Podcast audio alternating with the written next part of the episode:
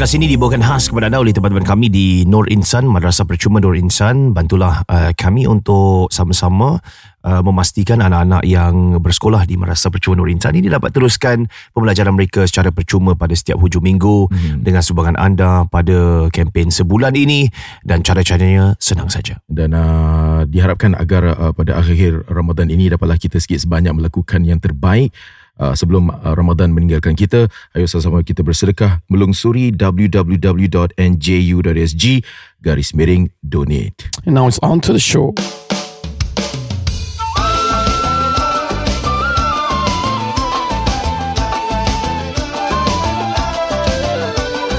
Jangan segan dan malu, marilah mendengar NGU Ajak kawan-kawanmu menjadi pendengar berilmu Jangan segan dan malu,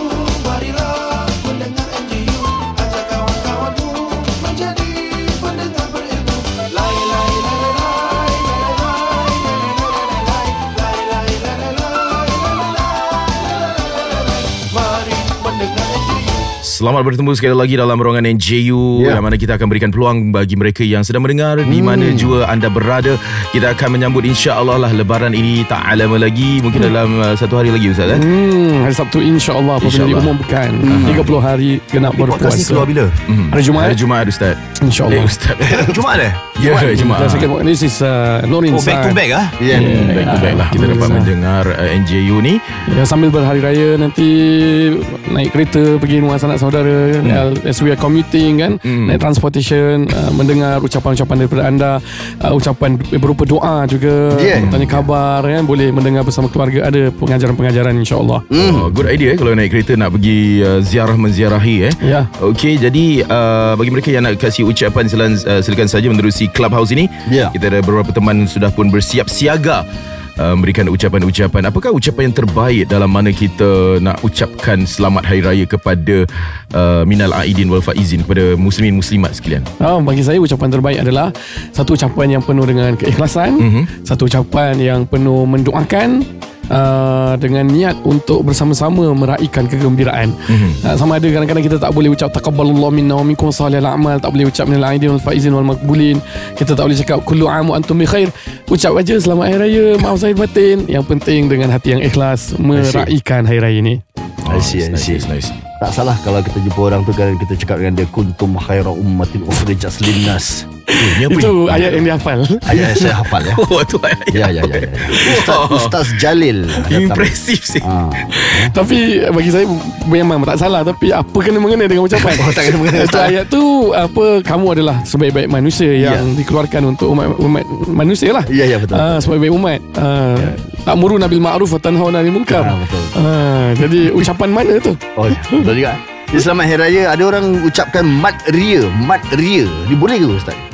Ah, tu kalau mak ria nak bergurau-gurau tak ada masalah. Masing-masing lah. Ini hari raya, hari gembira. Semaya, Apa? semaya. Semaya. Oh, semaya ah, macam-macam eh. Ah. Kalau ada anti bawah blok cakap, "Eh, selamat hari raya Mina Aidin Faizin." Ah, macam mana? Macam mana kita nak jawab? Contohlah, anti tu belajar daripada makcik. Cakap Ain kena Aidin. Oh, Saya ajar. izin. Ajar dia. Ah, kalau yang bukan Islam macam mana ni? Dia sebut, dia lah nak remember. Oh, tak ada selamat masalah. hari raya. Cakap Boleh, thank eh? you je Ya, lah. cakap Ha? thank you Eh you boleh cakap aja Thank you Selamat Hari Raya tu you tu Tak ada masalah Oh, boleh lah. Ah, Dia bukan pasal kita hidup Dekat multiracial country It's just an uh, ucapan Mhm. Kalau ada orang ucap macam masalah. Selamat Hari Raya Boleh kita jawab Boleh Boleh, boleh. Cuma Kalau jangan ada- jawab macam tu balik lah Kalau orang cakap macam Selamat Hari Raya Ha? Boleh jawab Selamat, selamat. Boleh, boleh lah. Boleh selamat, lah. selamat. Boleh, boleh, boleh, boleh, boleh. Semuanya ucapan-ucapan yang baik kita Allah sebut dalam Al-Quran, Hmm. uh, wa idza huyyitum bi tahiyyatin fahayu farudduha bi ahsana minha. Bila kamu diberikan ucapan, Hmm. maka jawab dengan yang lebih baik sebenarnya. Itu konteks umat Islam. Dan ucapan yang terbaik adalah salam lah. Uh, memberi salam antara satu sama lain. Assalamualaikum warahmatullahi wabarakatuh. Waalaikumsalam warahmatullahi wabarakatuh. Tapi kalau dalam konteks kita saling nak memberikan ucapan-ucapan dengan niat uh, untuk menggembirakan, meraihkan, menyantuni satu sama yang lain, Ya. maka tak ada masalah kalau kita nak menjawab dengan jawapan yang lebih baik juga. Kerana mengambil inti daripada firman Allah tadi tu memberikan ucapan yang terbaik kepada orang yang memberikan kita ucapan. Apa hukum kalau kita paitau khutbah hari raya?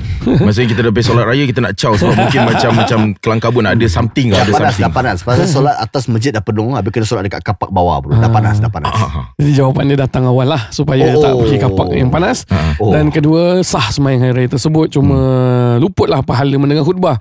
Sembahyang hari raya ni hukumnya sunat memang tetapi dia digalakkan untuk umat Islam datang bukan hanya muslimin, muslimah dan juga orang yang uzur yang sedang sedang haid. Hmm. Ah tu digalakkan tapi mereka tak sembahyang raya, mereka dengar khutbah tersebut. Oh. Ah, jadi kerana sampai mesej-mesej yang ada pada khutbah itu membawa kita kepada ketakwaan dan sebagai permulaan untuk kita meraihkan hari raya dengan ucapan-ucapan Tapi apa nasihat. bezanya Khutbah ni ditulis oleh MUI Semua sama Bezanya dengan apa? Apa perbandingan dia tu? Kita boleh baca di website saja Ustaz Oh okey. ha. Baca di website. Eh, panjang aku pernah cakap ni benda. Baca di website Keput itu, nama lah kita. uh, intonasi satulah kan. Hmm. Kedua uh, meraihkan kegembiraan bersama-sama Islam dengan Hmm. pesanan-pesanan yang dengar live. Itu Oh. berbeza macam konsert live. Ada ustaz tak ikut, tak ikut skrip. Kita tak tak- Masya Allah Ah. Ustaz kata intonasi Memang saya setuju Ustaz Ada juga kadang-kadang imam ni Hmm. Dia lemau Hmm. Oh, Kalau boleh Saya menyeru kepada semua imam-imam di Singapura Menyeru. Eh kalau boleh Bersemangat yang, sikit yang lah. sembahyang hari raya yang menjadi imam ni apabila khutbah tu kalau kasih semangat sedikit ustaz. Hmm. Ha, apakah assalamualaikum? Ha, macam tu. Jadi semua cakap waalaikumsalam. Oh. Kita terjawab semua tu. Akan terjawab. Boleh sampai terjawab. Ha, boleh terjawab. Okey, boleh boleh boleh Ustaz boleh. Nuzan tak payah cakap lah Memang Boleh, boleh. Uzan orang tak Ah, tidur. Bapak mentua saya pun cakap Ustaz Nuzan ni kalau khutbah ni Memang saya terbangun Bapak terbangun Ayah terbangun Masya-Allah, masya-Allah. Ah, Dia cakap bro Dia cakap ya Hmm, kalau Razi yang khutbah, ayah berdiri terus eh. Kalau saya oh, Masjid Rabita tak pernah orang tidur. Ha, waktu Ustaz Nuzan kasih khutbah. Ha, tak ada orang tidur. Okay, baik bagi mereka yang uh, belum tidur lagi boleh berikan ucapan anda menerusi NJU Jaban Raya. Okay, baik kita bersama dengan uh, seorang pendengar kita Fazli untuk berikan ucapan hello Fazli. Hello, Assalamualaikum. Waalaikumsalam. Kat mana tu?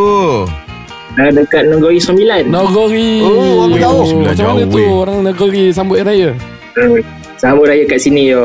memang duduk sini, stay sini je. Oh kampung sana lah Ah, memang duduk dengan mak ayah jaga dia orang lah. Alhamdulillah lah berkat hidup Jaga mak ayah Alhamdulillah Hmm. Baik. Alhamdulillah. Okay, silakanlah Okey, kasih ucapan. ah, ucapan. Ucapan eh. Eh, ucapan tu Okey, Kelantan. poi. Okey, poi Terengganu cari ponyo. Oi, Selamat hari raya buat warga NJU. Oi Oh, Wari Oh, penyu. Rembang most wanted yo Hmm. Oh, penyu NJU. Dahsyat. Kalau penyu sedap Eh, tak, tak boleh makan. tak boleh makan lah tak Tak boleh dia halal tapi endangered lah. Ya, kan? betul-betul, ya. Baik, baik, Pergi baik. beraya ramai yang berkelah. Hmm. Selamat hari raya lah. Apa hari raya dua. Boleh kena, Dua ya? lah, dua lah. Ya, ya. Okay, baik silakan Fazli teruskan dengan ucapan Andoy. Ah, okay, hari raya buat keluarga saya dekat Hmm. Negeri Sembilan. Ah, lepas tu semua untuk warga NJU lah. Itu je lah. Terima kasih. Terima Oh, kasih, terima Fazli. kasih. Terima kasih. Terima kasih lah orang jauh lah ya. Kalau berbual jangan berbohoi Hmm. Nak berhari raya hoi hoi Oi, Ini boleh rhyme kan eh Oi. Kalau nak berbual Kita nak kena cakap Jangan berbohoi ya. Beraya ohoi ya. Dia rhyme kan gitu Oh yalah yalah. Makan raya uh, berhari raya makan rambutan. Silalah kasih ra- kasih ucapan. Alamak, Ah. ada ada ada ada tergagap, tergagap. Tergagap. Dah tak style. Kalau nak, lagi. kalau nak so simple sangat Lepas 8 nombor 9 Selamat Hari Raya Orang Negeri Sembilan Sama Oh. kira sama Okey, baik. Sama terus Wari Rembang most wanted yo Apa cerita wagi? eh? Gangster ke apa ni eh wagi tak keluar Wari lagu. Wari Wari yalah, Negeri Wari. Sembilan Yalah. N9 The way dia orang cakap ni Macam dari geng tau N9 Oh. Rembau most wanted Rembau Tigo nenek where you at Where you at oh.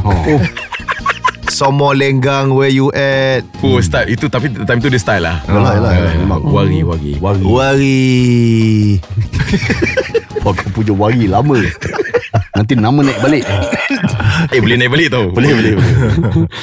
Okay Siapa ni Nabil tadi eh Kai kai. Ah, Assalamualaikum Kai Eh tak Nabil Nabil Nabil, Nabil. Nabil Assalamualaikum Nabil Nabil Waalaikumsalam warahmatullahi wabarakatuh. Dengar tak? Dengar Dengar, dengar dengar. Buat panggilan di mana ni Nabil Uh, saya lagi driving nak balik rumah. Ah, di mana rumahnya tu?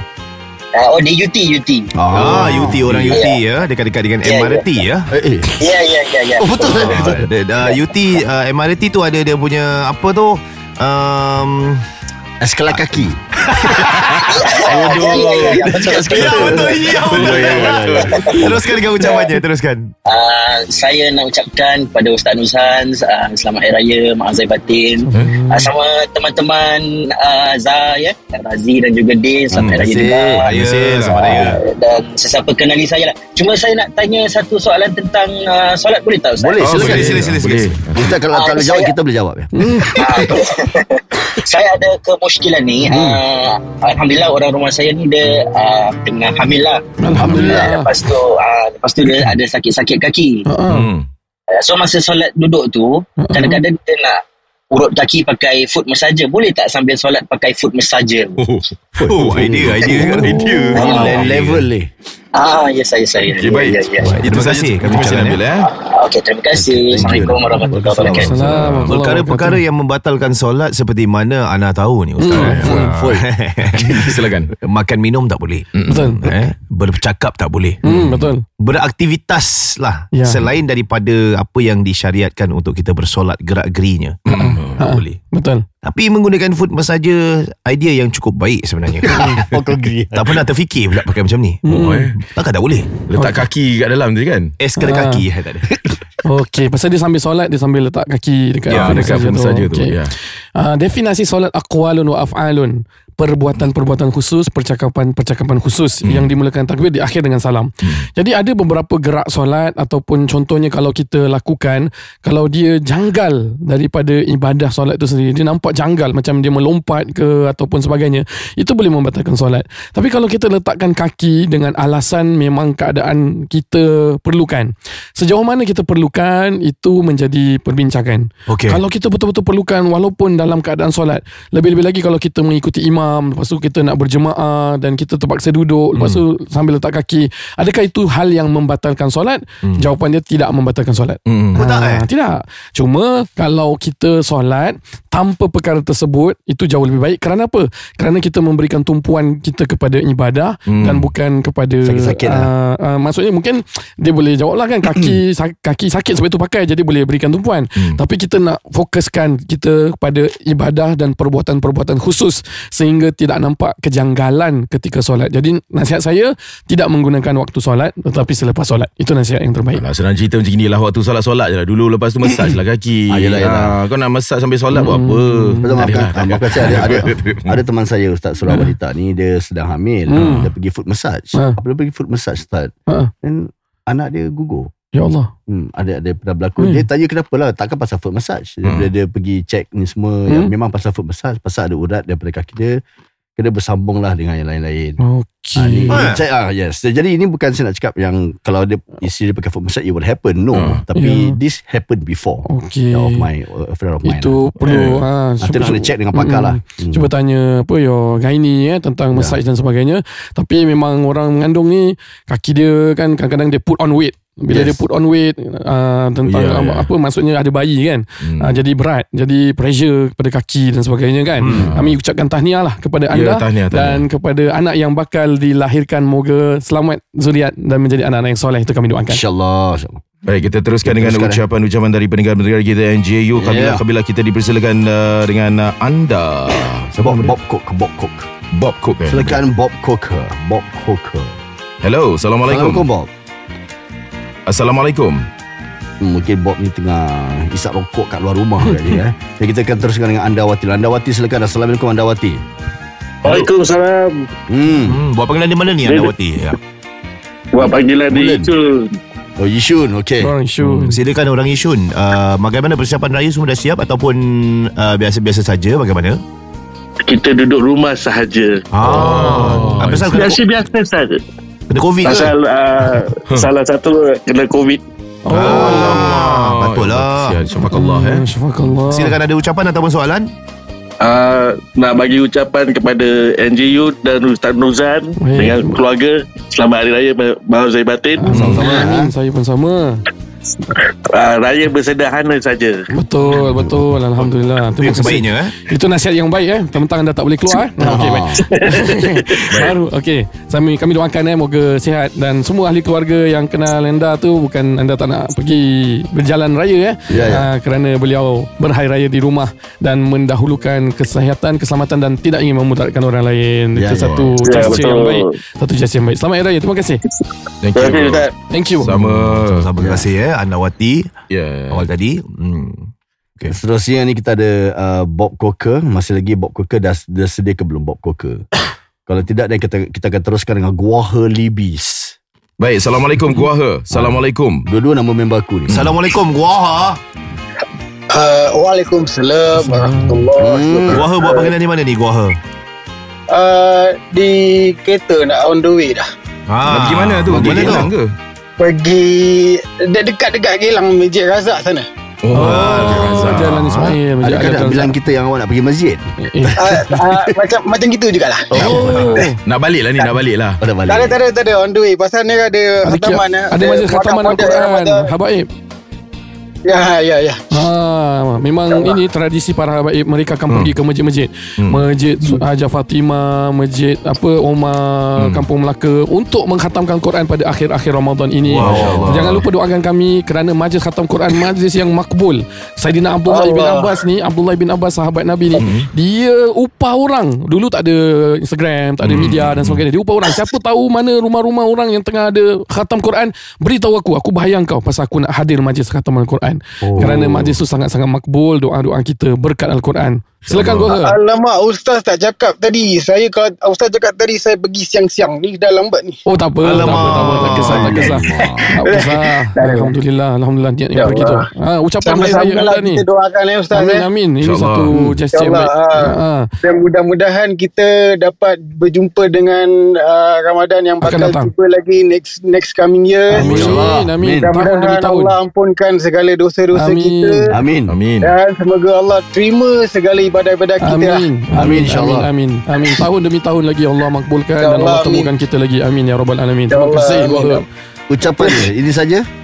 Doa saja. ada soalan boleh? Ah, boleh, boleh, boleh, boleh, boleh, boleh, boleh, boleh. Silakan Kuaha. Ya, okay. ni di sempena bulan yang mulia ni bulan turun Al-Quran. Hmm. Ya. Nak tahu macam uh, how does it mean Quran diturunkan di bulan Ramadan? Hmm. Quran verses were revealed based on wahyu basis. Betul. Wahyu by wahyu and then compile uh, by correct me if I'm wrong, Hmm. compiled by para sahabat hafiz Al-Quran. Hmm. So is it the first surah diturunkan Al-Alaq wahyu tu pada bulan Ramadan? Uh, atau Lailatul Qadar or is it the whole book being finalized on Ramadan Hmm. or is it Al-Fatihah was being brought down in the bulan Ramadan Hmm. and betul tak Quran book and surah were compiled way after wafatnya Rasulullah sallallahu alaihi wasallam. Baik, baik. If yes, and how does it determine the susunan surah? For example, Al-Fatihah first, and then uh, is not the first surah is. Uh, I mean, not Yeah, not first surah revelation. Al-Alaq. Hmm. Uh, how's the compilation? lah? Baik, and baik. then okay, uh, my second question is Hmm? uh, tentang uh, selawat. Ada the word Saidina ataupun tanpa the word Saidina. Saidina. Okay. So that means uh, also in tahiyat in uh, kita bersolat Mm-mm. tahiyat akhir uh, and awal dan akhir Yeah. should we include the word Saidina in it or Okay. no need? Thank you. Okay, baik. Okay, baik. Terima kasih Kuaha. Terima kasih, baik. Thank you. Soalan yang baik. Okay. What a great question man Tak Hmm. pernah terfikir pula Ya. ya, Bulan turunnya Al-Quran Kita selalu sering Menyanyikan lagu uh, Dalam kelas diberitahu Bulan turunnya Al-Quran Dan seperti mana kita belajar sebenarnya uh, Al-Quran tu diturunkan berperingkat-peringkat Ya. uh, Dan menerusi wahyu-wahyu dan sebagainya Macam mana ni? Ini kompilasi ke? Hmm, baik. Bagaimana? Perkataan turun itu sendiri para ulama membincangkan. Adakah literally dia turun? Hmm. ataupun dia dijelmakan kerana al-Quran sifatnya qadim sedia ada Ya. kan kerana dia bukan makhluk bukan seperti manusia yang baru ada tapi itu satu perbincangan yang lain tentang makna diturunkan untuk menjawab soalan tadi kita kena faham al-Quran itu ada tiga peringkat penurunan atau tiga peringkat penjelmaannya. Pertama daripada Allah kepada Lauhil Mahfuz. Bermakna Allah berfirman sebelum Lauhil Mahfuz itu dah ada. Kan? Itu kan kalam Allah. Kalam Allah tu sedia ada. Bila Lauhil Mahfuz ada, Allah berfirman dan Allah letakkan secara kom- semua. Semuanya Al-Quran. Ya. sekelepuk eh? Allah sebut dalam Al-Quran bal huwa Quranum Majid fi lauhim mahfuz. Jadi kita faham dekat lauh mahfuz dah ada Al-Quran. Kemudian pada suratul Baqarah ayat 184 Allah berfirman syahrul Ramadan allazi unzila fihi al-Qur'anu hudan lin-nasi wa bayyinatin minal huda wal furqan. Dalam ayat yang lain Allah sebut inna anzalnahu fi lailatin mubarakah inna kunna munzirin fiha yufraqu kullu amrin hakim. Dalam surah Al-Qadar Allah sebut inna anzalnahu fi lailatul qadar wa ma adraka ma lailatul qadar. Semua ayat-ayat yang menyebut tentang turunnya Al-Quran ini dimaksudkan daripada lauhil mahfuz ke langit-langit dunia pada bulan Ramadan secara seluruhnya. Ha, Hmm. Ini yang kita sebut Al-Quran diturunkan pada bulan Ramadan. Yang mana satu ni? Surah ni ke? Surah ni ke? Tidak, tidak, tidak. Semua Ini belum lagi cerita lagi turun kepada Nabi Muhammad SAW. Ini cerita Ramadan turun daripada Lauhil Mahfuz ni pada bulan Ramadan. Lauhil Mahfuz ke langit dunia jatuh pada bulan Ramadan. Sebab itu berkat malam Lailatul Qadar diturunkan Al-Quran. Anzalnahu. Ha, diturunkan ia pada malam Lailatul Qadar. Kemudian penurunan yang ketiga ni yang kita sebut Nuzulul Quran pada 17 Ramadan. Firman Allah yang pertama daripada langit dunia sampai kepada Nabi Muhammad sallallahu di Gua Hira. Iqra bismi rabbikal ladzi khalaq khalaqal insana min 'alaq. Iqra wa rabbukal akramul ladzi 'allama bil qalam 'allamal insana ma lam ya'lam. Sampai situ saja.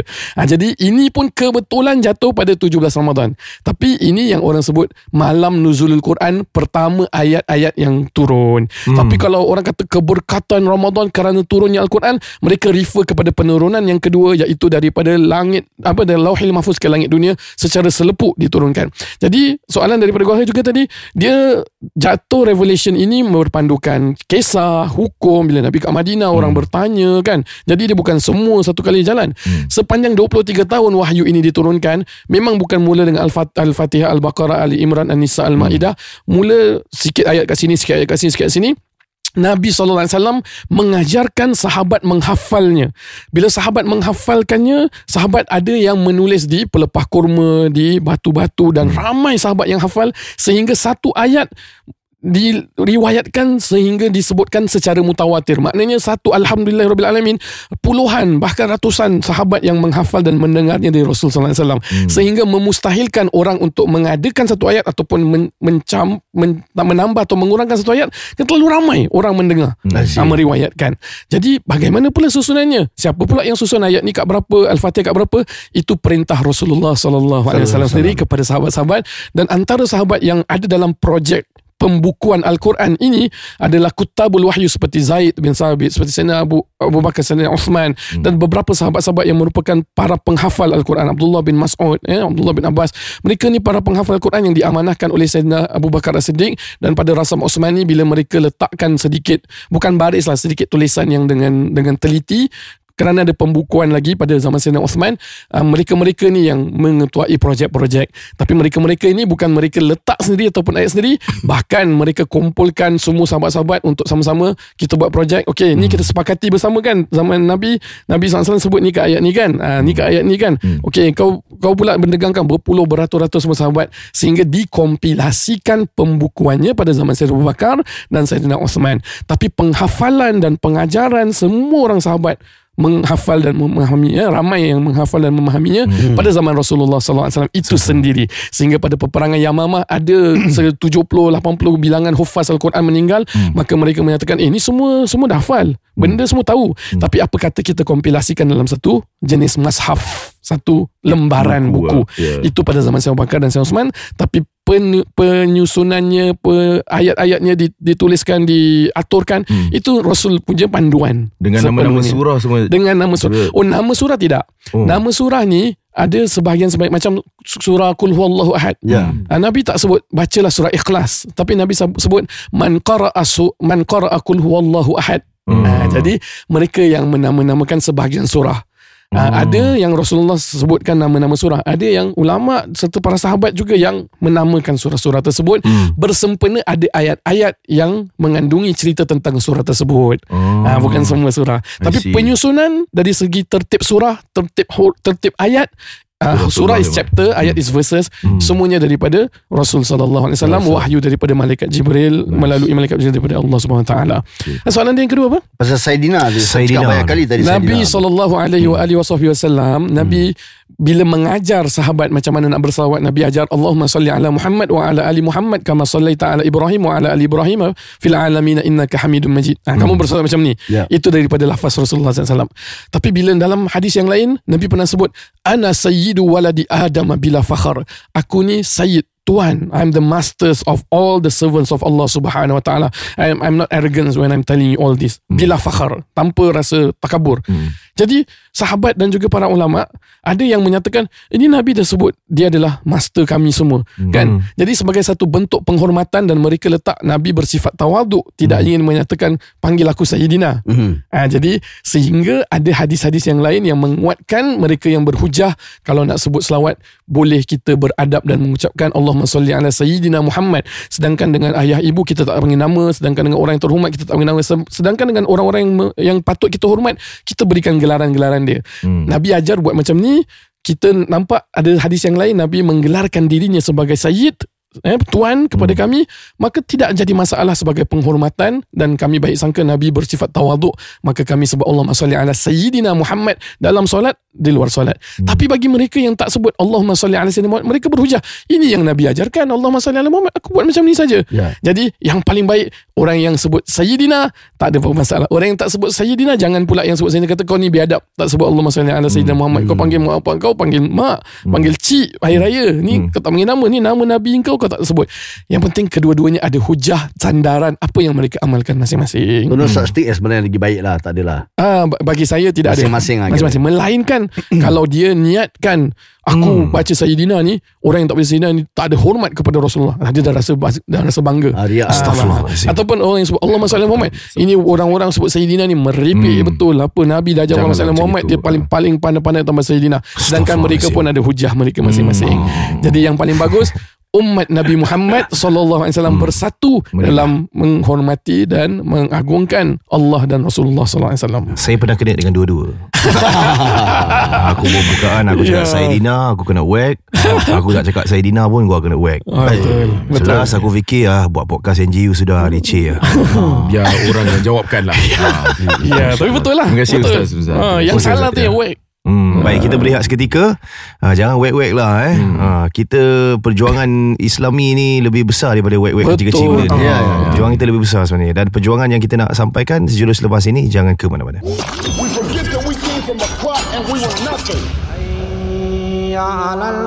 Bila kita dipuji, harusnya kita berdoa, Allahumma ja'alni khairan mimma yazunnun. Ya Allah, jadikan aku lebih baik daripada apa yang mereka sangkakan. Saudara podcast ini dibawakan khas kepada anda oleh teman-teman kami di Madrasah Percuma Nur Insan. Ya, naam, naam. Dan uh, ini merupakan satu-satunya madrasah yang memberikan pengajian agama secara percuma. Ya. Dan uh, kita berada dalam uh, akhir akhir hujung-hujung Ramadan ini muslimin muslimat yang kami muliakan. Ayo sama-sama kita berbakti kepada uh, mereka yang ingin mempelajari agama. Semoga, uh, semoga Allah SWT menerima segala amalan kita insya-Allah. Ayo sama-sama kita membantu inisiatif yang murni ini dengan membantu Nur Insan Madrasah Percuma menerusi lingkaran www.nju.sg garis miring donate. Dan uh, kini kita bersama dengan uh, teman kami yang kami hmm. sayangi dan hormati iaitu yang berbahagia Al-Ustaz Faris yang berada di sini ha. daripada Madrasah Nur Insan. Al-Ustaz bermaksud saya ni kira memberikan title yang kerana kami menghormati anda lah. Ya. Dan terima kasih kerana sentiasa bersama kami dan menyokong uh, program NJU ini. Dan uh, bagaimana sekarang ni keadaan uh, Madrasah Nur Insan dalam mana uh, sepanjang Ramadan ini? Eh, Bismillahirrahmanirrahim. Assalamualaikum warahmatullahi wabarakatuh. Assalamualaikum warahmatullahi Alhamdulillah, madrasah berjalan dengan dengan biasa. Uh, Ramadan uh, sebab kelas-kelas yang tutup cuma kelas-kelas malam lah. Eh untuk kita giveaway buat tarawih. Uh, madrasah berjalan macam, macam biasa. Uh, Bulan hari raya nanti kita akan uh, cuti 2 minggu lah. Alhamdulillah. Uh, Oh, hari raya cuti 2 minggu. Betul. Uh, starting the first. Syawal sampai. Uh, maksudnya dua weekend of madrasah lah. Ah, aywa, maksudnya dua weekend of madrasah. Minggu ketiga Syawal madrasah akan kembali bermula kembali. Hmm. Uh, Alhamdulillah pelajar pelajar yang kita ada sekarang 877 Masya uh, daripada tiga cawangan yang ada sekarang ni di Isyun, Bukit Batuk dan di Juchat. Uh, kemudian um, virtual madrasah yang kita ada sekarang ni ada dalam uh, 291 pelajar. Uh, jadi tambah tu dah 1000 lebih lah. Eh, ini tak termasuk dengan pelajar-pelajar kelas-kelas fardu ain dewasa yang ada 800 lebih. Uh, kelas uh, fizikal dewasa yang ada dalam 200 lebih. Oh. Jadi kalau kita plus plus plus plus semua mungkin dah dekat 2000 lebih pelajar yang belajar setiap minggu lah on a weekly basis ni. Hmm. Uh, Alhamdulillah semuanya berja- uh, berjalan secara percuma. Uh, tiada bayar, bayaran yang dikenakan dan semua ini dapat dijalankan dan diteruskan usaha usaha ini.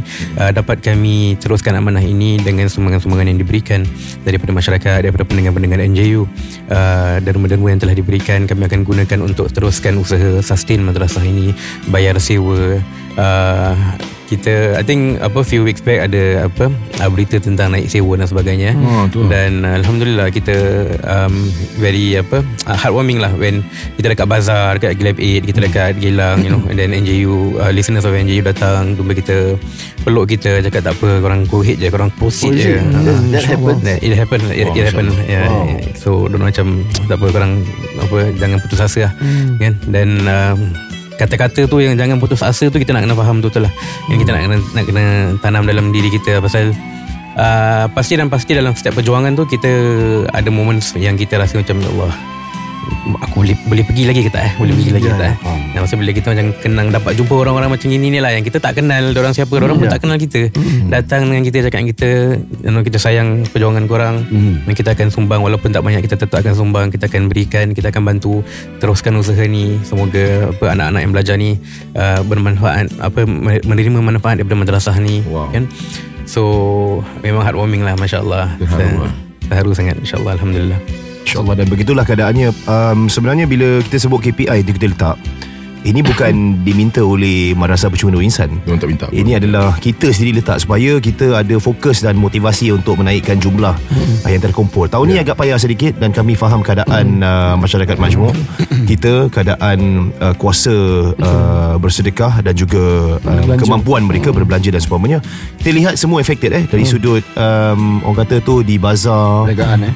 uh, pembelian uh, mula merundum lebih ramai pergi berbelanja di seberang tambak sebab lebih murah dan sebagainya keadaan job market yang begitu brutal. Ada ramai yang kehilangan pekerjaan. Jadi uh, tapi dalam masa yang sama juga um, ki- kita lihat the spillover effect dari sudut sedekah yang mereka berikan. Kalau tahun-tahun sebelumnya kita selalu boleh dapat naikkan jumlah berbentuk 300 ribu 250 ribu. Pada tahun-tahun sebelumnya tahun ni agak payah sikit. Kita letak uh, humble KPI of about 150,000 dollars tapi sejauh ini um, kempen yang telah pun berjalan berjaya untuk memungut sebanyak 50,000 dolar insya-Allah. InsyaAllah. Dan kalau kita melihat um, statistik daripada tahun-tahun sebelumnya, selalu pada malam-malam terakhir ni uh, pendengar-pendengar kita dia kuat memberi tau. Hmm. Ada kala dia melonjak 10,000 dalam satu hari. Hmm. Dan begitulah kita meminta agar pendengar kita cuba sekurang-kurangnya kita try hit 100,000 hmm. uh, dan uh, talian ni akan dan uh, ruang dan link ini akan dibuka sampailah selepas raya nanti Betul. dalam seminggu dan kempen ini berjalan seminggu selepas raya. Jadi boleh saja anda uh, membuatkan uh, pendermaan berbentuk uh, PayPal hmm. di link yang akan disebutkan ini insyaallah semoga anda semua diberikan dicintai ustaz bagaimana kalau selalunya orang-orang yang Hmm. uh, berinfak dan memberikan sedekah pada malam-malam terakhir macam mana pahala mereka ni ustaz Ya seperti mana kita tahu malam-malam terakhir ini di situ ada satu malam yang digandakan sampai seribu bulan. Jadi kalau kita bukan hanya iktikaf, bukan hanya qiyamul lail, bukan hanya kita tadarus, tapi antara silabus Ramadan itu adalah bersedekah dan khususnya sedekah ini dilakukan Rasulullah SAW pada bulan Ramadan melebihi daripada bulan-bulan yang lain. Jadi apa kata apabila kita melihat ruang-ruang untuk peluang untuk kita berinfak. Kita ambil ni sebagai satu rahmat. Kita ambil ini sebagai ya Allah Allah anugerahkan aku satu peluang untuk bantu satu institusi yang telah terbukti yang telah kita yakin ya bahawa mereka membelanjakan perbelanjaan ini dengan baik. Dan sekaligus kita mengharapkan ganjaran yang sampai seribu bulan ini satu benda yang sukar lah untuk kita lepaskan dalam kesempatan hidup kita dan kesempatan rezeki yang Allah beri ini. Jadi saya menyeru, ayo sama-sama kita teruskan infak kita di akhir-akhir Ramadan ni dan terutamanya kalau pada bulan Syawal pun kita masih ada berkemampuan masih lagi dapat memberikan sila ke lingkaran ini. Baik, muslim muslimat yang uh, sedang mendengar kini, ayo sama-sama kita membantu madrasah percuma yang menawarkan pendidikan Islam ini iaitu Madrasah Nur Insan. Anda boleh lungsuri www.nju.sg garis miring donate dan uh, sekian saja dari kami. Ila liqa. Assalamualaikum warahmatullahi wabarakatuh. Waalaikumsalam.